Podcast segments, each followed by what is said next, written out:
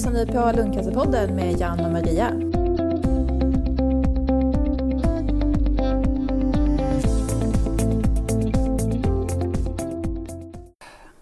Så hej och välkomna till dagens avsnitt som kommer idag handla om ett av mina favoritämnen, nämligen attraktionslagen. Jan ligger hemma med influensa, men jag är inte ensam. Jag har sällskap idag av en annan vacker donna, Lilly Öst. Hej och välkommen! Hej, tack snälla! Du är ju lite av en expert inom det här ämnet. Mm. Du har skrivit fyra böcker va? Nej, jag har skrivit Förlåt. två böcker och sen så har jag varit med i två antologier. Okej. Den senaste i alla fall heter Såklart. Ja. Hur du och attraktionslagen blir ett vinnande team. Mm. Och du coachar även och föreläser mm. inom det här. Ska vi börja med att förklara vad attraktionslagen är för någonting? Eh, jag kan ju bara förklara det som jag har uppfattat det. Jag sitter ju inte på någon sanning. Men som jag har uppfattat det under alla de här eh, dryga 30 åren som jag har studerat attraktionslagen så är det här jag har förstått, kommit fram till. Eh, det är en av våra naturlagar, universella naturlagar. Och attraktionslagen funkar lika, attraherar lika. Och då, då är det lätt att säga, nej men det där är så flummigt så det tror inte jag på. Mm. Och självklart, alla behöver inte tro på attraktionslagen men det spelar ingen roll för jag tänker ju att man har allt att vinna på att bli nyfiken på attraktionslagen, hur den funkar för att se hur jag kan använda mig av den på ett bra sätt. Och om du tänker dig då eh, att vi lever i ett vibrerande universum. Allt är ju vibrationer. Även det som vi uppfattar som fast materia är 99,9999 procent tomrum fyllt av vibrerande energi. Vilket betyder att det mesta av dig och mig är ju inte det vi ser, utan det är det vi inte ser. Men det betyder ju inte det att, det att det inte finns, utan det betyder ju bara att det är utanför vår perception, eller hur? Mm. Och det är så man lite grann man kan förhålla sig till attraktionslagen, för den är ju väldigt abstrakt och det är väldigt stort att, att förhålla sig till. Jag brukar säga, om du tänker dig själv som en magnet, och du tänker att alla tankar, och nu kanske vän av ordning säger, men vänta nu här, magnetism handlar om opposite attracts. Ja, men, men attraktionslagen funkar, lika attraherar lika. Det är bara det att det blir en sån bra metafor att använda sig av en magnet. Så om du tänker dig då att alla tankar du tänker mycket och ofta, de är mycket magnetiska. De du tänker lite och sällan är lite magnetiska. Och de du inte tänker alls, de är liksom lika mycket magnetism, tre, så två träklossar. Ingen magnetism alls med andra ord. Attraktionslagen är inte värderande, vilket betyder att den, den svarar på din, ditt fokus. Det finns inga negationer, vilket betyder att ordet inte finns inte. Men hur funkar det och hur, vad gör det med oss? Mm, jo, men det funkar så att vi, vi jobbar tillsammans med, eller vi interagerar tillsammans med attraktionslagen genom vårt känslofokus. Eh, vi har elektromagnetiska fält runt oss själva och vi lever i elektromagnetiska fält. Och det fältet vi har runt vårt känslocentra, det är 5000 gånger starkare sändningspå än våra tankecentra. Så även om vi tänker positivt, vilket alltid är bra att tänka positivt, men om vi på samma gång känner negativt, då är det känslan som interagerar med attraktionslagen. Vilket betyder att du kan inte ha ett negativt fokus men förvänta dig positiva resultat. Vilket betyder, för att kunna dra till sig positiva resultat, då behöver du bli medveten om ditt eget tanke och känslofokus. Mm. Anledningen att jag har tagit hit dig idag mm. um, är just för att jag har sett liksom hur det verkligen har funkat i, min, i mitt um, uh, tillfrisknande mm, mm. och så och även sett kopplingen till mitt insjuknande.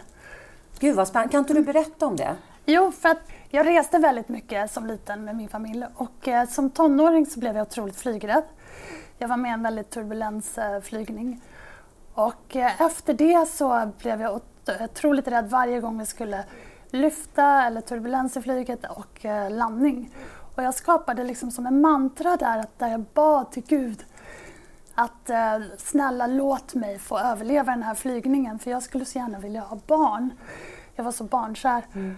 Och eh, sen kan du göra vad du vill med mig. Och det här blev som sagt ett mantra som jag hela tiden då höll på med flygningar. Och eh, sen 2009 maj fick jag min dotter. Och tre månader senare så fick jag, höra att jag hade, fick jag min diagnos lungcancer. Självklart så tror jag inte att det är enda anledningen till att jag blev sjuk men du hade fokuserat rätt Ja, duktigt. precis. Ja. Mm. Det är, en sak, det är en sak som är svår att säga. Nu säger ju du det och, och är, eh, alltså, det är du som har gått igenom det du har gått igenom så att säga. Men om man, om man skulle våga sig på att påstå en sån sak så får man ju liksom en yxa i huvudet förmodligen av någon som säger mm. bara hallå, inte nog med att jag ska vara sjuk, jag bära ansvaret för det också. Du hade någonting om sjukhuset också som jag tyckte var så intressant. Ja, för det var, det var nämligen en till sån här tanke som jag brukade tänka när jag flög. Det var att, um, att tänk om vi skulle krocka och jag skulle bli den enda överlevande. Jag var ju väldigt så här, bekräftelsesökande mm. som, uh, som yngre. Och, um, och då var det en av de här tankarna då att oh, jag skulle bli den enda överlevande och vad mycket uppmärksamhet jag skulle få. Jag skulle bli lite känd och folk skulle tycka synd om mig. Och det var lite den här offerkoftan. Och, och så minns jag då att när jag um, första gången lades in då på sjukhus för att behandlas så jag fick ju så mycket besök av familj och vänner och alla trodde jag var döende och det var så mycket presenter och alla var så otroligt kärleksfulla och, och det slog mig där en dag att herregud, det här är ju precis det jag har önskat mig. Mm. Och det var en sån här riktig liksom, awakening. Bara, Gud, vad håller jag på med? Gud vad intressant. Och det här, det här är så otroligt viktigt, tänker jag, att du lyfter det här. För de flesta är inte medvetna om hur de tänker när de tänker. Och de flesta är inte medvetna om att, att det finns ett energikvitto till deras fokus. Mm. Så att bli medveten, få den här medvetenheten som du fick i den här situationen, att vänta nu här, jag har faktiskt fokuserat in det här. Det här är precis det jag har bett om. Mm. Men vad vi behöver förstå, tänker jag, det är att det vi hela tiden, alltså vi, vi jobbar ju hela tiden både med attraktionslagen men också med vårt inre system. Vår hjärna jobbar ju, eh, alltså den är ju väldigt, väldigt med i den här interaktionen. Och om du upprepar för din hjärna hela tiden någonting så sätter ju det sig i ryggraden på dig och, det, och utgår från det som, som din sanning och förhåller dig till det. Och det finns ju i dagens läge forskning som är gjord på att du faktiskt både kan tänka dig sjuk och tänka dig frisk. Mm. Och det är det jag jobbar med, att hjälpa människor att ta kommando över sina liv och ta kommando över sina tankar och känslor och få dem att förstå att de ligger till grund för de energikvitton de får. Mm. För jag tycker det är så intressant det här med liksom att vi inte ska ta ansvar för vårt insjuknande, men det är ju då vi kan ta ansvar mm. för vårt tillfrisknande ja. och inte bara lägger det på någon annan. Mm. Om man då om man inte tittar på sina tanke känslomönster, om man har hela tiden fokus på sin sjukdom, inte sin friskdom, eh, då highlightar man ju fel pryl i sig själv. Då går man inte in i ett självläkningssystem utan man går ju in och, och förminskar sin kraft i sig själv. Så att det här är ju en super, super insikt som du fick i ditt eget tillfrisknande. För hade inte du fått den insikten, då kanske, då kanske inte du hade kunnat gå in i ditt tillfrisknande för att du hade inte krokat i tillitsmässigt eller kunskapsmässigt om dig själv i det. Det är så många som tänker att, liksom, att det räcker liksom med det här med att vi ska bara tänka positivt. Mm. Och um, det som jag tycker är viktigt, som du pratar mycket om, det är det här med snedprogrammeringen. Mm. Nu har vi liksom pratat om de här situationerna men det är inte så enkelt att komma ur det här sättet att tänka. Nej, det krävs ju ett väldigt um, stort arbete med mm. sig själv. Och mm. kunna, så att, kan du berätta lite hur... Hur man kan göra? Ja. Många gånger så, så tänker man ju inte på vad det är för någonting man programmerar in i sig själv. Då blir det, eftersom vår hjärna kan inte skilja på fakta och fantasi, utan den tar emot allt vi matar den med som fakta. Så om du talar om för dig själv hela tiden att du är sjuk, att du inte kommer att bli frisk, att du är svag, alltså alla de här sakerna om man tänker då sjukdom. Men det kan ju också vara att du talar om för dig själv att du inte duger, du berättar ju att du hade ett, ett, eh, ett starkt behov att bli bekräftad. Mm. Och har man ett starkt bekräftelsebehov då springer det ofta ur en dålig självbild. Och om man har en dålig självbild, då blir man gärna en tillagsare för att man vill ha den här bekräftelsen av alla andra. Problemet med det är ju att du blir ju som en kameleont för att ditt, din största uppgift blir hela tiden att kolla, okej, okay, hur ska jag vara med Maria för att jag och Maria ska ha liksom, bästa relationen? Och, och Det här gör du med alla människor och ingen vill ha samma sak av dig utan alla vill ha någonting unikt av dig. Vilket betyder att du har ingen aning om vem du behöver vara för att vara din bästa människa.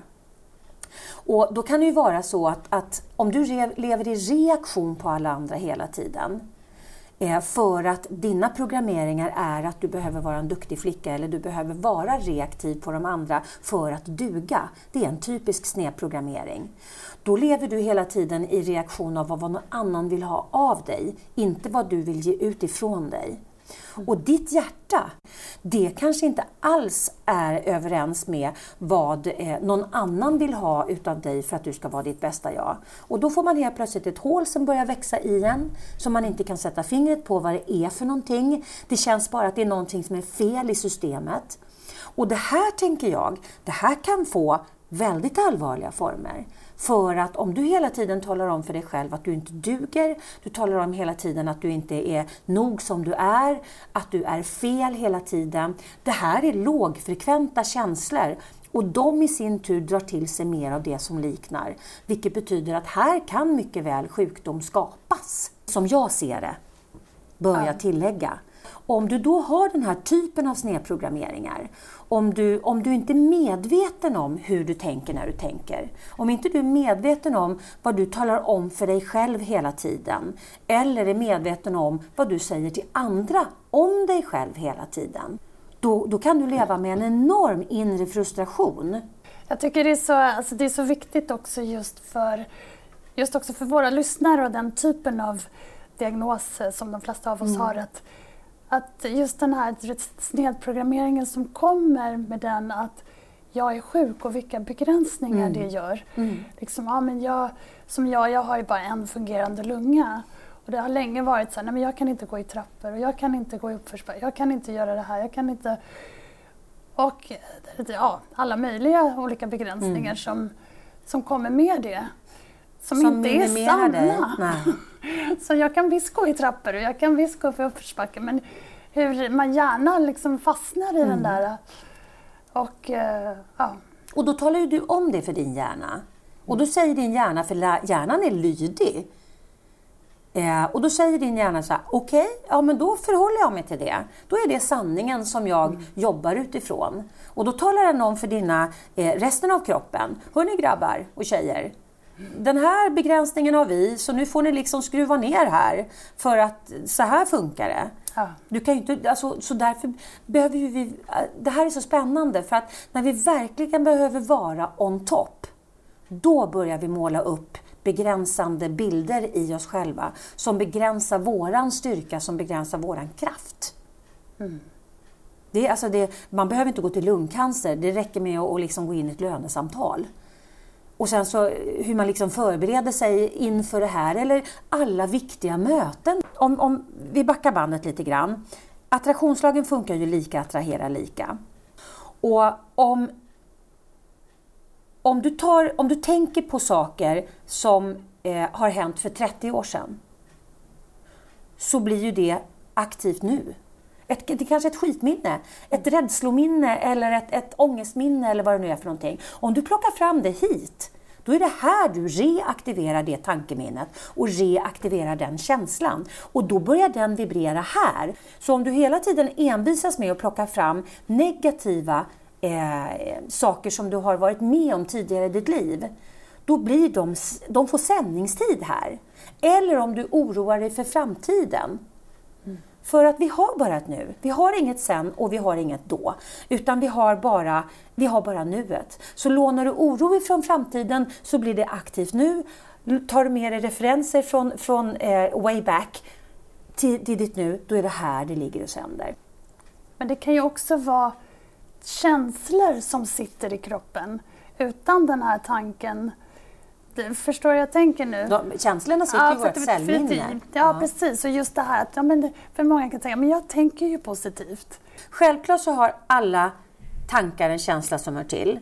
Men, men det är inte alltid som vi är medvetna om att tanken re, reaktiverar eh, känslan. Alltså det kan ju vara eh, att, du, att du får en associationssituation eh, situation till exempel.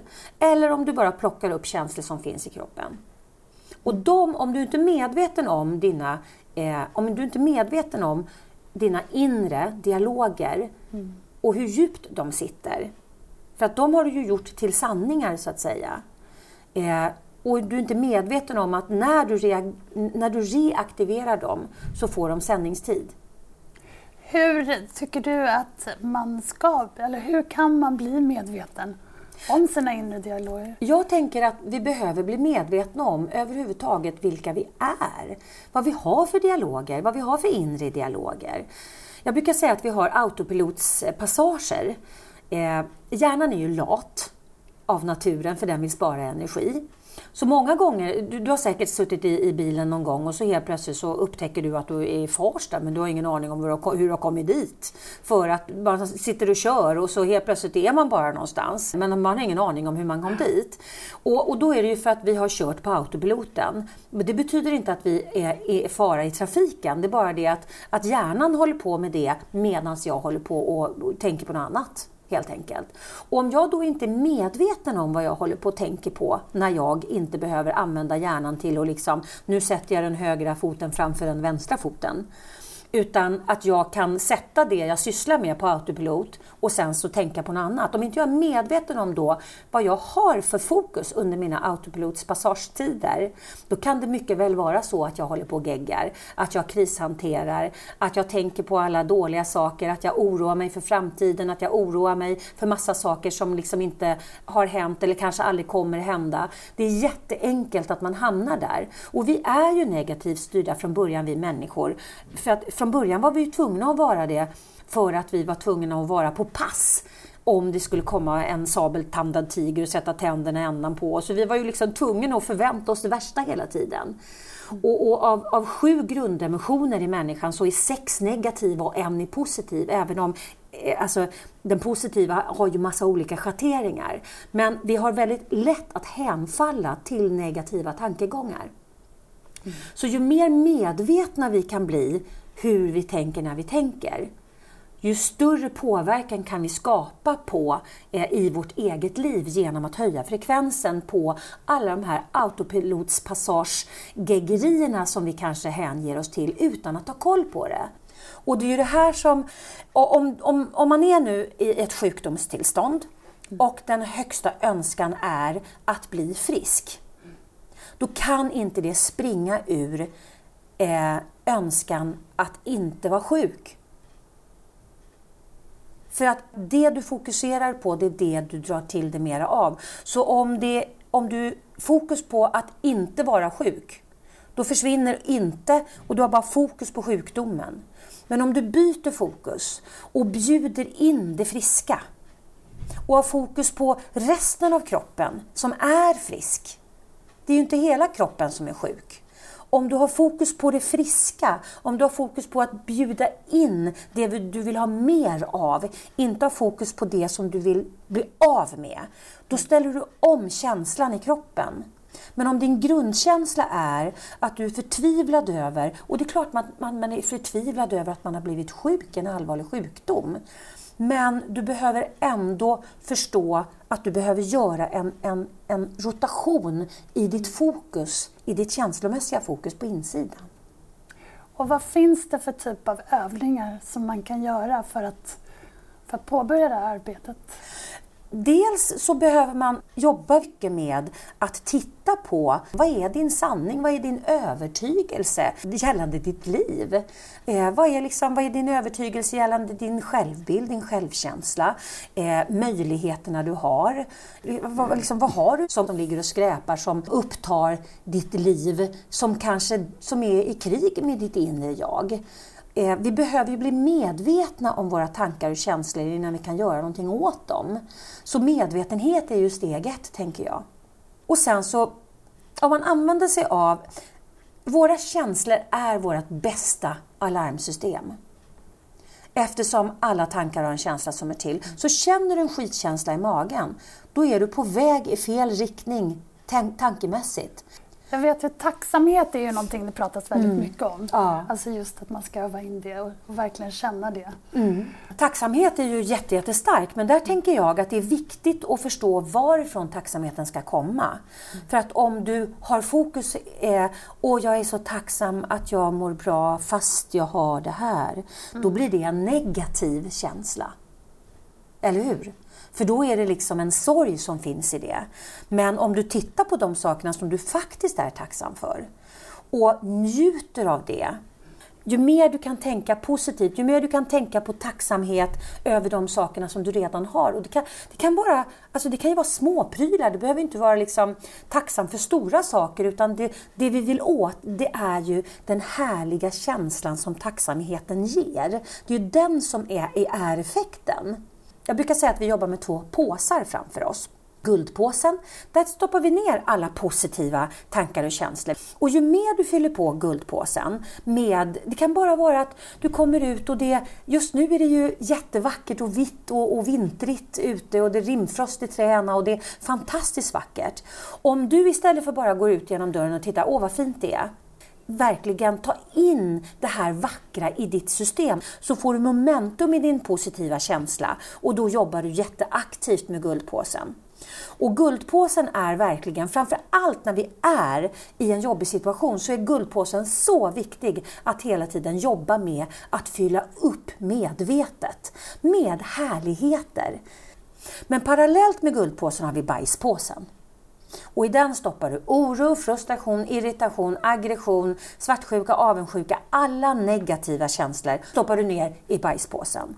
Och framför allt då om du har fått en, en, eh, en svår sjukdom, det är ju definitivt en bajspåsesituation.